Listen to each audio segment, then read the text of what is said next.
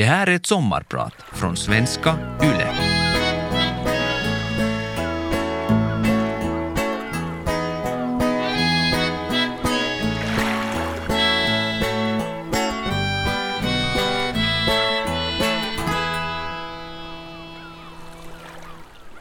Jag står på leksaksavdelningen och håller en mjuk och sladdrig tygigelkott.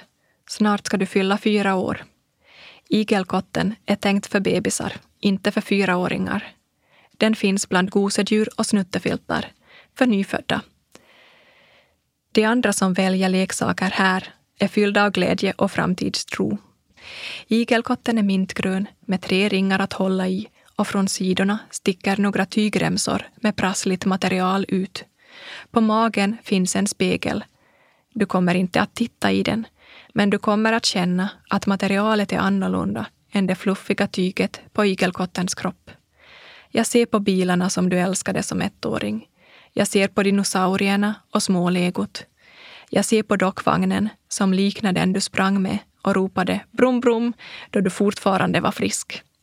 I en bättre värld hade jag antagligen köpt den radiostyrda bilen. En sån som din pappa talade om att han skulle köpa till dig, men främst till sig själv.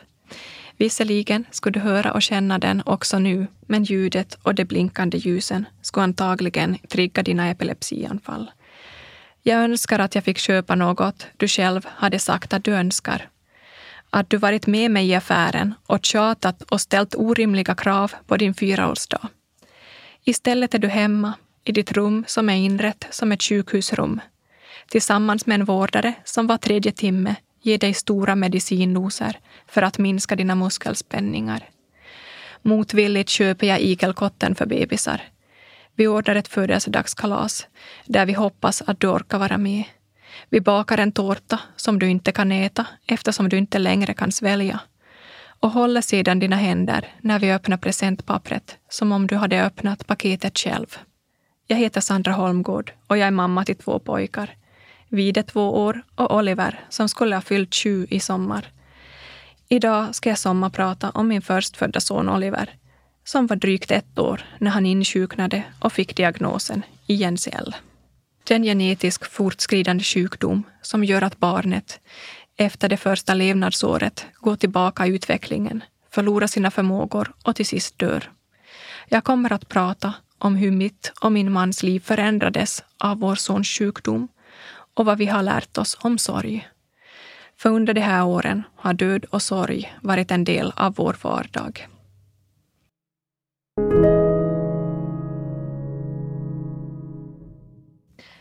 Jag och Nicke träffades i högstadiet och gifte oss som 20-åringar. På våra bröllopsbilder ser vi ut som två små ungar som inte vet något om livet. Och det gjorde vi inte heller. Då vi gifte oss flyttade vi från Pedersöre till en studielägenhet i Helsingfors. Jag skulle bli modersmålslärare och Nicke diplomingenjör. Vi sjöng i kör och vi levde billigt. Nicke cyklade 20 kilometer till skolan varje dag för att spara in på gym och busskort. Hösten 2014 började jag vänta Oliver. Att vara gravid var inte lätt för mig. Jag mår illa hela tiden och min kropp klarar inte av belastningen speciellt bra.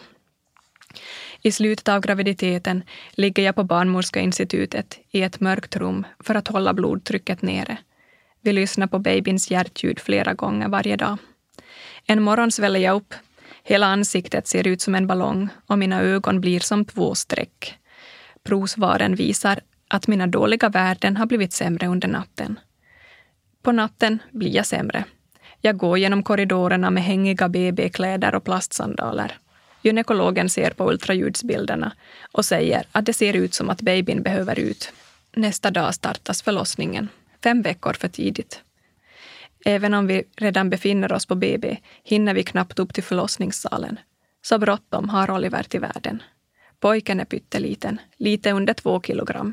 Men han mår bra och vi får stanna på vanlig avdelning i familjerum.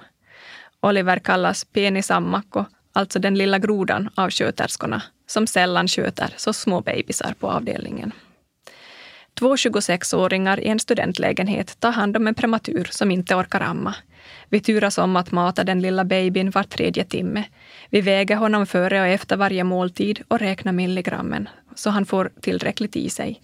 Samtidigt som vår närmsta granne, som är tutor, håller hemmafester.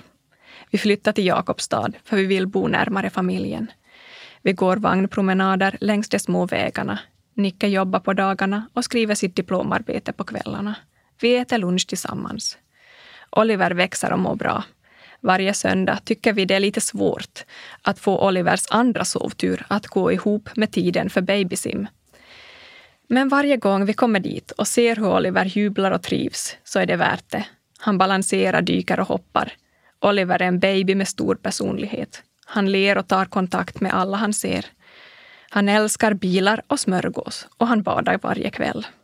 Han växer snabbt och när han är ett år lär han sig gå. Men han springer mest på tå. Han ogillar att gå i snö men ligger gärna på marken och tittar på molnen. Han älskar att stå bredvid vägen och titta på bilarna. Vi går på fysioterapi för han är lite spänd i kroppen. Det är inget speciellt med det. Det är vanligt för prematurer att vara spända i kroppen. Han älskar sin jumpa. Oliver är en riktig uppåtsträvare, säger fysioterapeuten. Han ska alltid vidare till nästa steg. Vi njuter av livet och lever ett lyckligt och vanligt småbarnsliv. Visst, Oliver vaknar ofta på nätterna, men vilka småbarn gör inte det?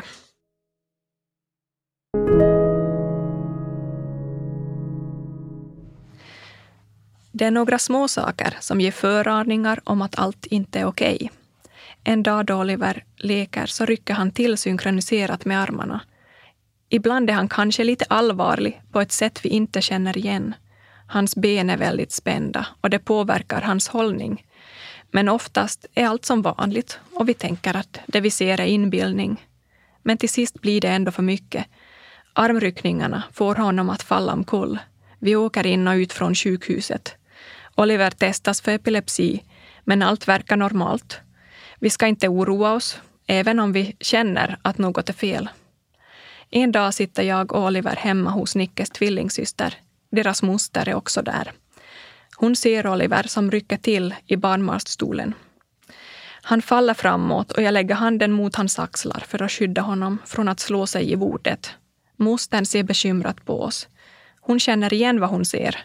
Det där ser ut som epilepsi, säger hon. Ta Oliver till sjukhuset igen. Läkaren som tar emot oss på jouren i Jakobstad ser att det är något allvarligt. Förut kom ryckningarna någon gång per dag. Nu kommer det hela tiden. De är korta, kanske två sekunder bara. Men pauserna mellan dem är nu bara några minuter långa. Till sist sitter vi i ambulansen på väg till Vasa. I månadsskiftet mars-april 2017 sover vi på golvet i intensivvårdsrummet på barnavdelningen vid Vasa centralsjukhus. Det finns ett fönster till sjukvårdarnas kansli. Persiennerna är stängda, men de kan öppnas om något allvarligt händer i rummet. I rummet finns inga sängar, förutom Olivers spjälsäng i järn. Man ska snabbt kunna springa in med stora vårdteam och därför är föräldrasängar överflödiga. I rummet är det dragigt. Lufttrycket utjämnas regelbundet i rummet och det känns som en vindpust. Under fyra dagar på sjukhuset har framtidsutsikterna för Oliver och för oss som föräldrar blivit sämre och sämre. Den första dagen får vi veta att Oliver har epilepsi. Vi vänjer oss med tanken. Nästa dag får vi veta att det är någon allvarlig typ av epilepsi. Nu eskalerar det. Han undersöks för hjärntumör och allt möjligt. Då läkarna säger att det rör sig om något neurologiskt så går det inte in. Vad betyder ens det? Sen kommer bokstäverna, som vi fruktar mest av allt, för jag känner redan en pojke som har dött av den här sjukdomen. INCL. Tiden att vänta på svaret är fruktansvärd.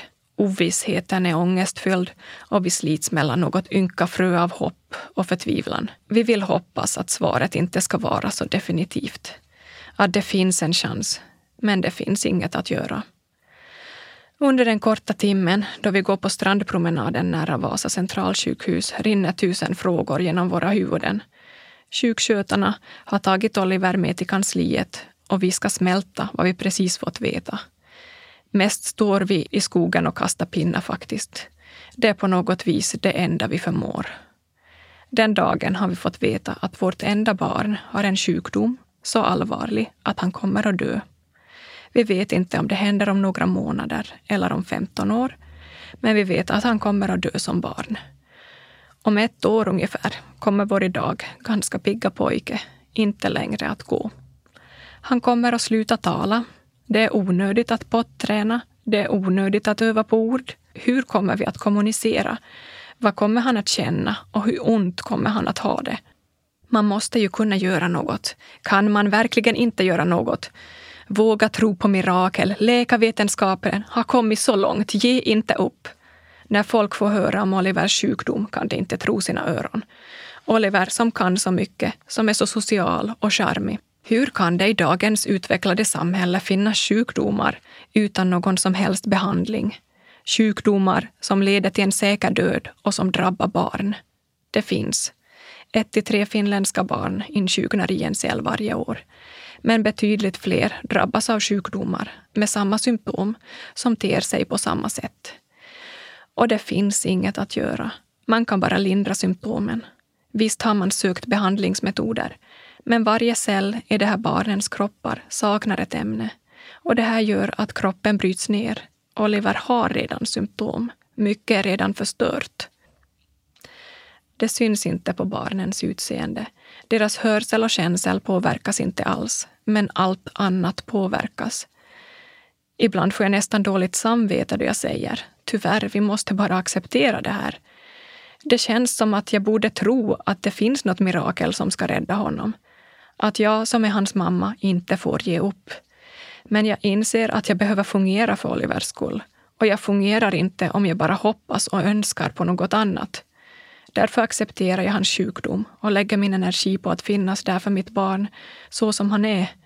För jag älskar Oliver, även om jag hatar hans sjukdom. Att acceptera blir vår lott. Det finns oändliga hemskheter som vi bara måste ta. Inte förrän vi ser det med egna ögon förstår vi att varje förmåga som tas från en människa också skapar en kedja av annat som förvärrar måendet. Om en kropp inte kan stå upp och belastas så som den borde så påverkas skelett, muskulatur och andning. Om en kropp inte kan äta påverkar det allt. Kroppen är en skör helhet. Det vi kan är att leva i nuet. Uttrycket carpe diem har alltid gett mig avsmak. Men vad gör man om man bara har just nu?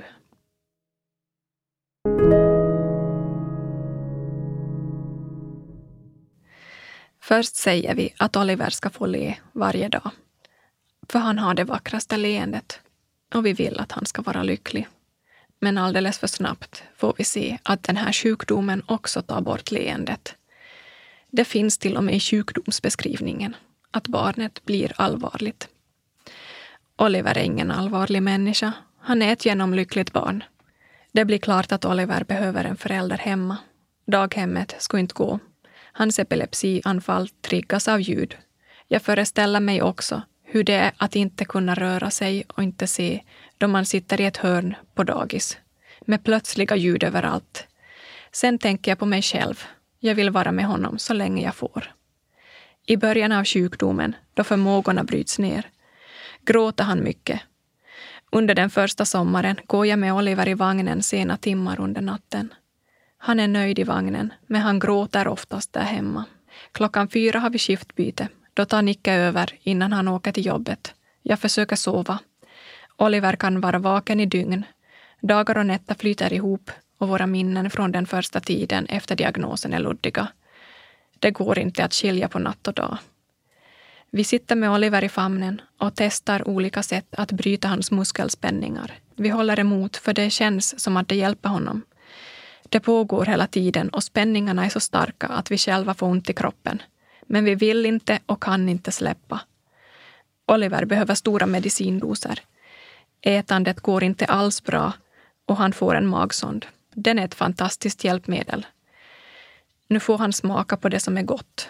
Matstunden är inte längre ett kämpande med näring och äckliga mediciner. Det ger oss och Oliver livskvalitet. Vi blir experter på vårt barn och hans sjukdom. Vi visar sjukskötare och närvårdare den speciella knycken då de håller i medicinsprutan för att medicinen, som inte alls är anpassad för magsond, ska gå ner genom den tunna plastkanalen in i magen. En sak som borde förbättras är just hur man får näring och mediciner genom en magsond. Det är inte bara att trycka in vad som helst, kan jag säga. Under 2018 är vi på sjukhus en tredjedel av tiden. Ofta tänker vi på ryggsäcken andra föräldrar packar då de åker till daghemmet och märkningslapparna till kläderna. Men vi åker inte till dagis. Vi åker till sjukhuset. Vi är inte där för behandling, utan för att bryta anfall, spasmer och hjälpa ben som är i felställning eller minska smärtor och underlätta andningen. Och under några perioder på sjukhus är det bara barnets föräldrar som enligt neurologen kan bedöma Olivers medicintolerans och förändringar i hans mående. Jag slåss dagligen för att läkare ska göra mer, inte för att rädda honom, utan för att ge honom ro och jag vet att alla försöker. Men ingen har sett hans starka symptom förut. Det är omöjligt att han krampar nu, säger läkaren en dag. Men likväl gör han det. Vi får för mycket att säga till om. Den dag vi tillsammans med läkaren kommer överens om att vi prioriterar minskat lidande framom långsiktighet är vi förvånade över hur lätt det är att bestämma det, hur odramatiskt det är.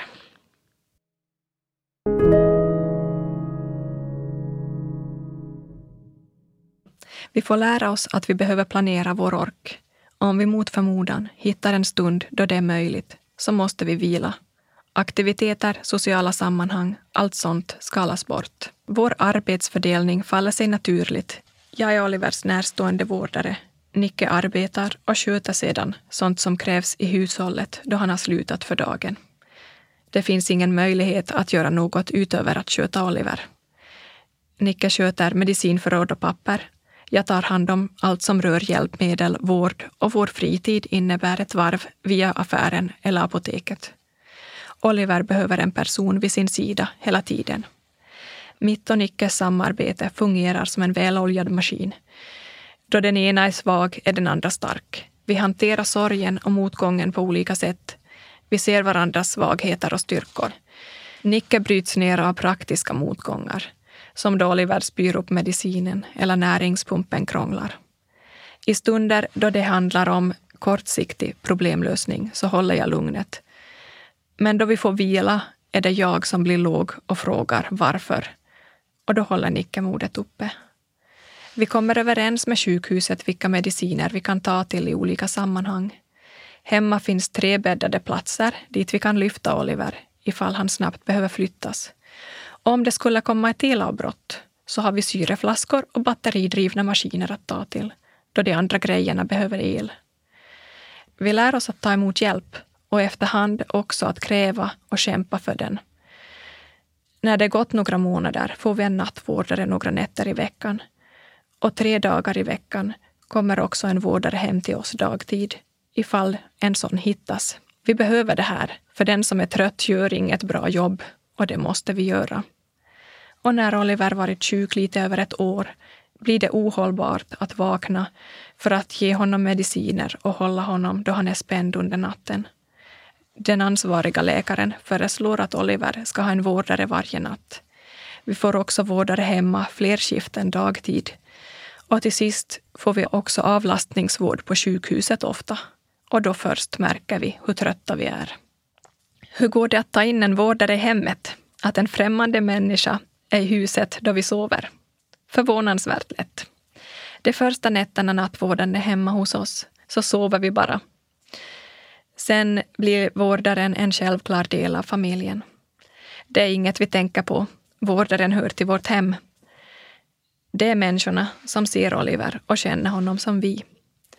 Vi har inget annat val än att lämna vårt barn i någon annans händer. Han får god vård. Det är underbart att komma in i ett rum och se hur någon sitter med honom i famnen och läser eller lyssnar på musik med honom. Jag känner verkligen att alla som tar hand om honom också kämpar för honom. Hösten 2018, då Oliver är tre år och det har gått ett och ett halvt år sedan han blev sjuk, så flyttar vi till vårt nya hem i Pedersöre. Vi har funnit oss väl i vår vardag. Vi har en ramp på utsidan där vi kan köra in Oliver på specialvagnen.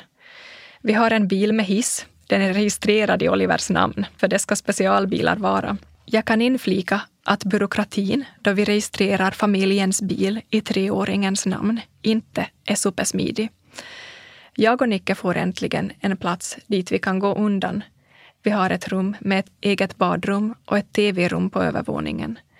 Oliver har huvudsovrummet på nedervåningen. På morgonen klockan sju går jag ner i köket och startar kaffekokaren. Jag tar två koppar svart kaffe och går in till Oliver och nattvårdaren. Jag lägger min kopp på golvet och ger vårdaren den andra koppen. Sedan tar jag tag i Olivers ben och frågar honom hur natten har varit. Vårdaren svarar i hans ställe. Vi sneglar på saturationsmätaren som visar lite väl hög puls, men helt okej okay syresättning för Oliver. Då. Natten har gått bra. Vid tvåtiden har han varit spänd och nära att spy. Han har fått klockan tre-medicinen tidigare. Sedan har han suttit i hennes famn. De har lyssnat på musik. Sen har det gått helt okej. Okay. Men också nästa medicin har han behövt lite tidigare. Jag sätter mig på golvet och vi talar om livet och dricker kaffe en stund tills vårdaren behöver starta hem. Då hon går talar jag lite med Oliver. Jag stänger mätaren och ser på hans tå. Den har ett litet tryckmärke av mätaren. Jag höjer huvudänden av sängen. Jag tar fram tvättlappar och bassalva, ny blöja och dagens kläder. Jag tvättar honom och borstar hans tänder, smörjer huden och fuktar hans mun och ögon. Jag masserar hans spända ben och försöker stretcha hans fötter som alltmer hamnat i fel ställning. Också hans högra knä påverkas. Jag klär på honom och parerar för att hans långa ben och armar inte ska fastna i sängkanten. Jag byter vatten i magsonden och ger honom klockan åtta-medicinen. Sedan lyfter jag upp honom och vi sätter oss i fåtöljen. Jag drar fingrarna genom hans tjocka blonda hår och ser på hans djupblå ögon och de långa ögonfransarna. Jag håller honom nära med hans huvud under min haka. Han suckar så som han gör när allt är bra. Även om Oliver inte får ett långt liv, då han kan springa och leka, så får vi den stunden. Den stunden i rummet. Mitt namn är Sandra Holmgård och jag är din sommarpratare idag.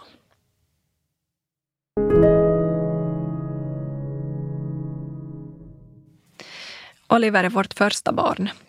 Risken att också följande barn har samma sjukdom är 25 procent. Så folk, ja de som vågar, undrar om vi är beredda att ta den risken.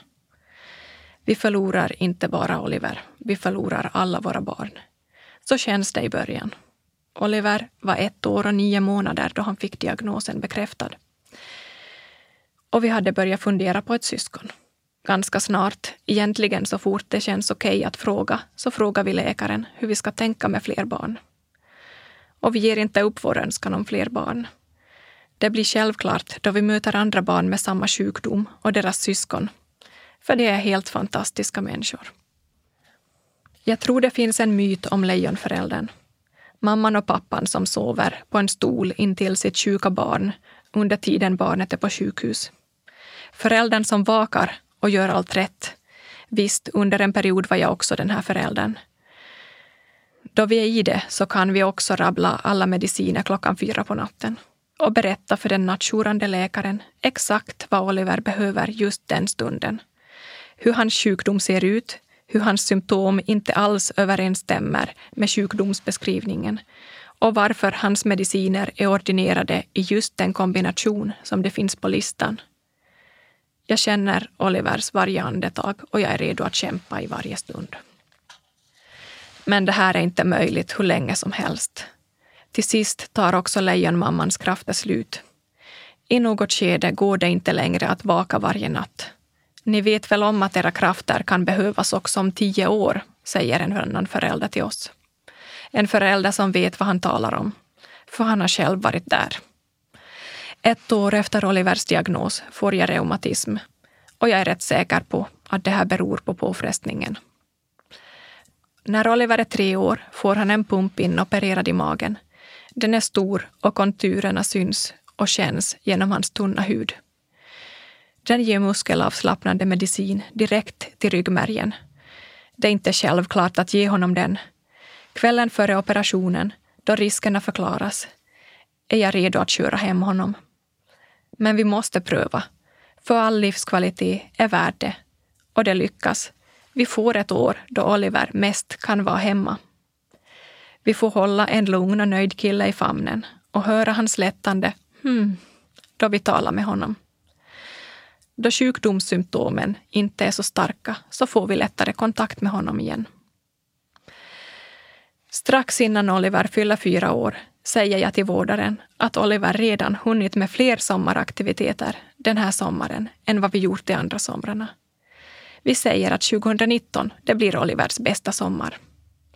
Vi åker till och med till stranden. I bilen sitter jag, Nicke, Oliver och hans vårdare. Vi har extra syre, krampmedicin och mätare med oss i bilen och vi är tvungna att använda allt. På stranden bäddar vi med filtar och parasoll. Vi sitter där kanske en halvtimme, men den dagen har jag alltid med mig, dagen då Oliver fick åka till stranden. Hösten går på samma sätt. Jag börjar till och med jobba deltid och jag blir gravid efter en lång och komplicerad IVF-process. Under julen 2019 är Oliver trött, men vi får fira julen tillsammans. I januari 2020 är Olivers sista dagar hemma. Det vet vi inte då. Det är otänkbart. Vi badar bastu. Oliver njuter av värmen. Sedan ligger vi på soffan tillsammans och funderar på hur det blir då Oliver blir storebror. Men vi märker också att han inte längre orkar hosta. Sista dagen Oliver är på avlastningsvård ringer läkaren. Oliver har fått lunginflammation. Jag åker till sjukhuset. Och visst ser jag att han har det tufft, men han har repat sig förut. Vi vet hur sjuk Oliver är. Vi har förberett oss så gott vi kunnat. Men jag tror inte att det är tänkt att en förälder ska se att det tar slut innan det är definitivt. Under veckoslutet blir Oliver sämre och vi hinner ta ett stilla farväl. Han somnar i lugnt stilla, bara fyra och ett halvt år gammal.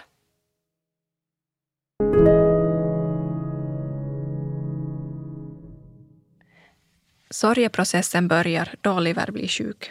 Vi är fyllda av oro och ångest. Vi ser framför oss hur vi gradvis förlorar honom. Vi ser smärtorna han ännu inte haft. Och redan då så ser vi hans lilla kista. Vi förlorar vår son, men också allt annat. Allt vi tänkt om framtiden. Samtidigt ska vi finnas där och fungera för honom och för varandra. Jag vet inte vad vi hade gjort utan familj och vänner den här första tiden. Det blir också tydligt att vi inte längre är vanliga föräldrar. Det skär i oss varje gång någon nämner sina barns framtid, hur de växer och vad de lärt sig speciellt barn i samma ålder som Oliver. Jag tror att det kommer att följa mig hela livet. Alla fritidsintressen, skolstarter, livsskeden, högtider är sådant som Oliver inte får. Vi tappar också hela vårt sammanhang. Vi är endast föräldrarna till det sjuka barnet. Vi har inget gemensamt med föräldrar till friska barn. Vi vet inget om dagisinskolning. Vi kan inte jämföra sovrutiner och framsteg. Ibland läser jag när någon skriver om något bekymmer på en föräldragrupp på Facebook. Och ibland känner jag igen saker från före sjukdomen. Men jag kan inte delta i samtalet. Det går inte att berätta hur vi löste något litet problem då Oliver var baby, som för övrigt inte alls har med sjukdomen att göra. Då han sedan fick en sjukdom som leder till döden. Jag skulle nog bara förstöra deras dag. Sorgen då Oliver dör är en annan. Många säger till mig att de inte kan föreställa sig hur det känns att förlora ett barn. Jag tror faktiskt att många kan det. Men de kan inte förstå att det faktiskt känns så illa som de tror att det gör. Och att det känns så hela tiden. Sorgeprocessen då han dör är fylld med total tomhet. Även om vi har behandlat det här i nästan tre år går det inte att vara förberedd. Saknaden är en grop i bröstet och den känns så starkt. Ändå är den inte lika ångestfylld som den sorg då han blev sjuk. Vi sitter i bilen med alla hans saker och vi inser att vi inte har någon tid att passa, inga mediciner att köpa. Vi kunde åka iväg. Vi behöver bara plånbok, telefon och nycklar. Men vi vill inte åka. Vi kommer hem till vårt tysta hem. Inga vårdare kommer längre till oss och Oliver är inte längre där. Hur många barn har du? Jag så två. Hur gamla är de? Att småprata med okända människor har blivit svårare. För min egen del är det helt naturligt att säga som det är. Att jag har två barn, varav ett är i livet. Men det är svårt att möta reaktionen. Stämningen på firmafesten skuggas snabbt av en sådan sak och ibland är det kanske lättast att inte gå in på detaljer. Men allt mer tycker jag att det kunde finnas mer död i vardagssamtalet. Död och förlust drabbar ju alla. Kriser är en naturlig del av livet. Därför kan det vara bra att öva. Få räknar ändå med att en småbarnsmamma ska berätta att hon har ett barn som inte lever. Det hör ju lyckligtvis inte till att barn ska dö, även om många fortfarande gör det. Barn ska inte lida, har många sagt. Han var ju så sjuk. Det var väl ändå väntat. Så bra att han fick flytta till himlen. Det här är sånt folk säger till oss. Jag vet att det menar väl, men det hjälper mig inte. Det gör mig faktiskt bara ledsen. Ingen behöver säga hur jag ska känna om min sons död. Döden kommer aldrig vid rätt tidpunkt. Det är fel och orättvist att barn blir sjuka och dör. Berätta inte för en sörjande människa att den som saknas inte har ett tillräckligt gott liv. För det har du faktiskt ingen aning om. Det är en människa som dör, inte den sjuka som blir befriad. Oliver hade ett gott liv fyllt av kärlek, oändligt med människor som älskade honom. Och jag vet att han också kände det. Och även om det var tufft för oss alla, så var Olivers liv det bästa vi kunde få. Han hade inget annat liv, så vad är alternativet? Det är svårt att möta sörjande människor, tro mig. Även om jag varit en sörjande människa en stor del av mitt vuxna liv, så tycker jag också det är svårt. Jag är ingen expert på att hantera sorg, men jag har lärt mig att leva med min egen. Det är obekvämt och svårt, för vi har inte lärt oss att möta människor i mörker. Men en sak har jag lärt mig. Det blir alltid fel, för du vill så gärna trösta. För helst skulle alla vara glada och harmoni skulle råda i världen. Det är mänskligt att tänka så. Men i många situationer är det rimligt med svåra känslor. Jag är övertygad om att det också är nödvändigt och normalt. Du kan inte trösta en sörjande människa med ord. Det finns inga tröstande ord. Och ingen som sörjer behöver heller muntras upp. Men du kan finnas där, våga möta den som sörjer. Du kan hjälpa med praktiska saker, men du rår inte på orsaken till sorgen. Inget du säger kommer att göra sorgen mindre. Inga tröstande ord i världen uppväger vad den sörjande människan går igenom. Och du behöver inte muntra upp den som sörjer, för antagligen behöver hon vara ledsen. Det är kärleksfullt och hälsosamt att vara ledsen när man saknar. Men vill du göra något rätt så kan du vara där. Vardagen fortsätter även om man befinner sig i en livskris och alla behöver äta. Praktisk hjälp behövs. Våga också möta den som sörjer. Ser du henne på gatan, säg då hej och visa att du ser henne, även om du inte vågar säga mer.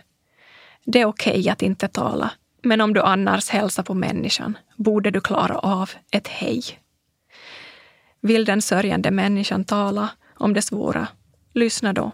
Jag tycker det är okej okay att säga Usch, så hemskt och jag har inga ord, för antagligen är det sant.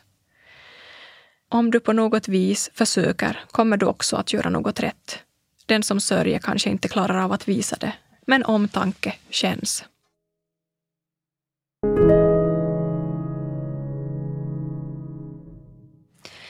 Idag har Oliver en lillebror. De hann aldrig träffa varandra. Vide föddes fyra månader efter Olivers död. Men jag tror att Oliver visste. Och jag tror att han såg att mamma och pappa behövde få vänta på Vide innan han kunde lämna oss. Det har gått över två år sedan Oliver dog. Jag är fortfarande trött och inte alls hundra procent. Jag är ledsen. Men det går längre mellan de mörka stunderna. Idag är jag absolut ingen lejonmamma. Det är jobbigt att väckas för att gå upp med lillebror på natten.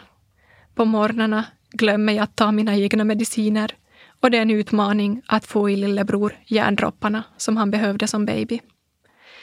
Det hände aldrig då jag skötte Oliver. Jag har slappnat av.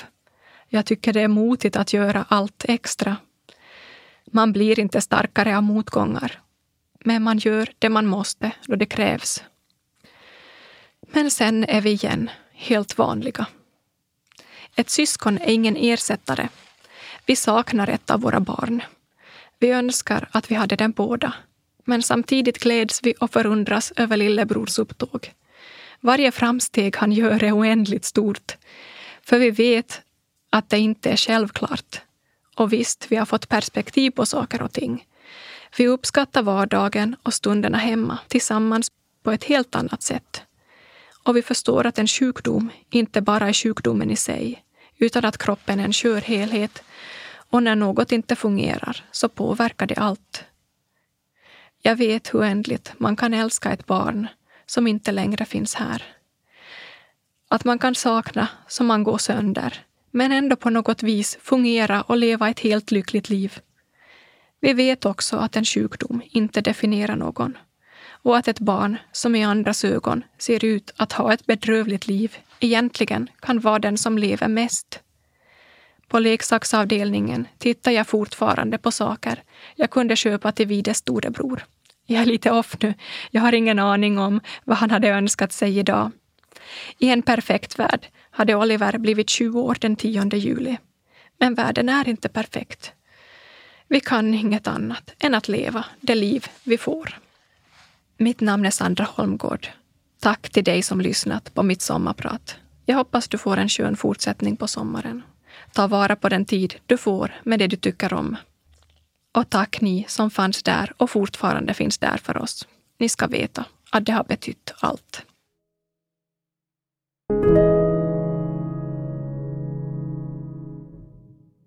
Vegas sommarpratare produceras för Svenska Yle av Parad Media.